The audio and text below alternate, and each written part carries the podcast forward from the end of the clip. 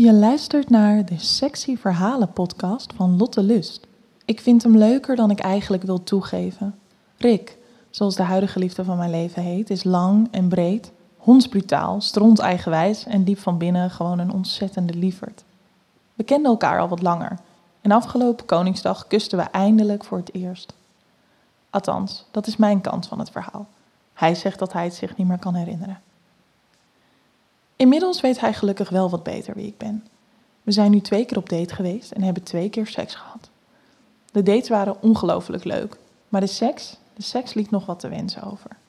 Waarom precies kon ik zelf ook niet helemaal verklaren. Maar ik voelde me steeds net niet op mijn gemak zodra de kleren uitgingen. Ook hij leek zenuwachtig. En daar werd ik dan weer awkward van. En zo ging het dus al snel van kwaad tot erger. Zonder al te veel details te delen besprak ik de kwestie met mijn vriendinnen. Moet ik dit wel willen? Er zijn toch zat andere gasten met wie ik wel gewoon lekker kan neuken, zeg ik. Gelukkig gaf iedereen me hetzelfde advies. Probeer het nog eens en praat erover met hem. Waarschijnlijk moeten jullie gewoon een beetje aan elkaar wennen op seksgebied, zegt een van mijn trouwe raadgevers. Het feit dat je eindelijk een vent hebt gevonden waar je naast wil slapen is toch veel te speciaal, constateert een andere vriendin terecht. Je mag hem niet laten lopen en zeker niet om zoiets onbenulligs als een beetje zenuwen tijdens een potje seks. Ik geef ze gelijk en besluit dat ik er niet te veel over moet nadenken. Op de een of andere manier lukt het me om de zorgen van me af te schudden, waardoor ik uiteindelijk al snel weer heel erg uitkijk naar de volgende date met Rick. Zullen we naar zoldering? stelt hij voor in een appje. Om ervoor te zorgen dat we allebei lekker op ons gemak zijn, lijkt het me beter om niet in een sterrentent te zitten, maar lekker taco's te gaan eten. Als het dan eindelijk zaterdag is, heb ik een beetje spijt dat ik pas om acht uur gereserveerd heb.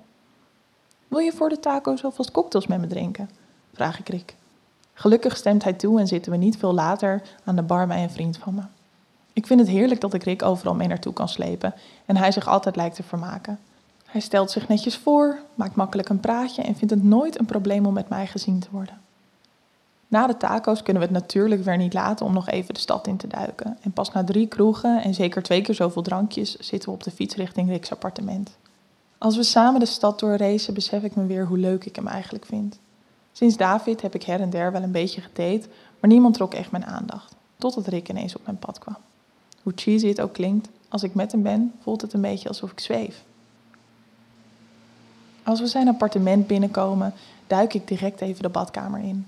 Voel me ontspannen, een tikkeltje aangeschoten, maar verre van dronken. Ik check of er geen mascara onder mijn ogen zit, maak even gebruik van het toilet en fris me op voordat ik de badkamer weer uitkom. Ik kijk Rick aan en bijt verlegen op mijn lip.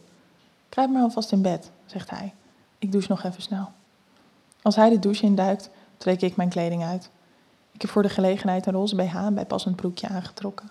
Vorige keer had ik zwarte lingerie aan, wat er, al zeg ik het zelf, erg sexy uitzag.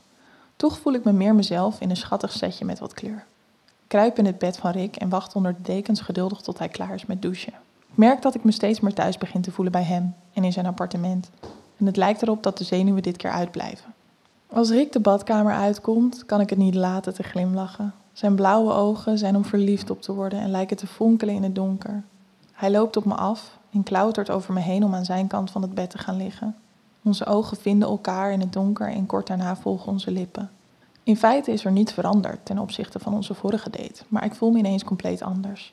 Ik twijfel niet, ik pieker niet, ik denk eigenlijk nauwelijks meer na.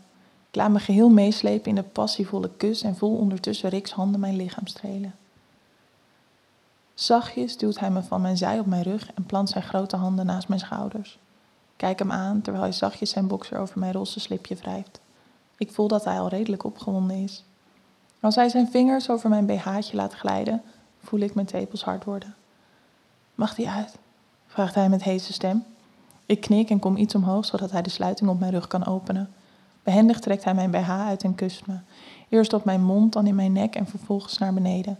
Hij laat langzaam een spoor van kusjes achter op mijn buik richting mijn slipje.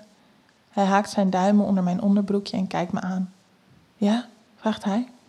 Ik knik instemmend, waarna hij voorzichtig mijn laatste stukje kleding uittrekt. Met zijn tong glijdt hij plagend langs mijn bovenbenen. Ik voel een rilling door mijn lijf gaan en moet me inhouden niet direct te kreunen. Tergend langzaam likt hij steeds iets dichter bij mijn meest gevoelige plekje. Mijn lichaam lijkt onder stroom te staan als ik zijn warme tong eindelijk over mijn klit voel gaan kreun zachtjes en knijp met mijn vingers een kussen fijn. Rick lijkt precies te weten wat hij doet, want mijn kutje begint steeds natter aan te voelen. Terwijl zijn tong ritmisch over mijn kleed blijft gaan, duwt hij zachtjes een vinger bij me naar binnen. Ik hoor mezelf kreunen terwijl mijn rug kromt van genot. Ik voel hoe zijn vingers langzaam in en uit me glijden terwijl zijn tong blijft focussen op mijn klit.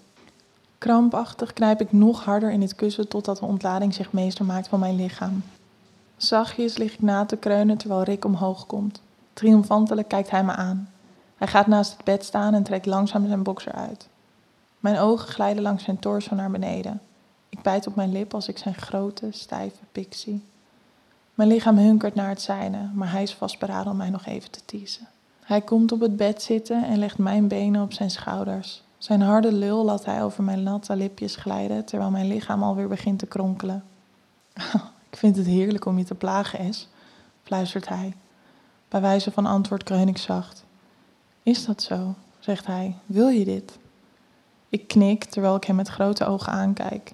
Heel voorzichtig duwt hij zijn pik bij me naar binnen. Uit reflex breng ik mijn hand naar mijn mond en bijt op mijn eigen vingers. Rustig beweegt hij op en neer en al snel merk ik dat er voor mij niet veel nodig is om tot een tweede hoogtepunt te komen. Zodra Rick iets versnelt, voel ik hoe mijn lichaam aanspant. Mijn orgasme is kort en hevig. Na die intense paar secondes open ik mijn ogen en kijk Rick aan. Ik betwijfel of hij doorheeft wat hij allemaal teweeg brengt, want hij stoot vastberaden verder. Na mijn hoogtepunt lijkt elke stoot nog lekkerder te voelen. Ik lig kreunend te genieten als Rick aankondigt dat hij bijna klaar komt. Mag ik in je komen? kan hij nog net uitbrengen. Ja, fluister ik. Direct na mijn antwoord verhoogt hij het ritme. Ik klamp me vast aan zijn bovenarmen en voel uiteindelijk dat hij in me klaarkomt. Hij rolt van me af en ik sluit heel even mijn ogen. Wow, denk ik bij mezelf. Ik had niet durven hopen, laat staan verwachten, dat dit zou gebeuren. Draai mijn hoofd en kijk Rick aan. Es, zegt hij. Heb ik al gezegd dat ik je een lekker ding vind? Ik lach en kruip tevreden tegen zijn arm aan. Ja, antwoord ik.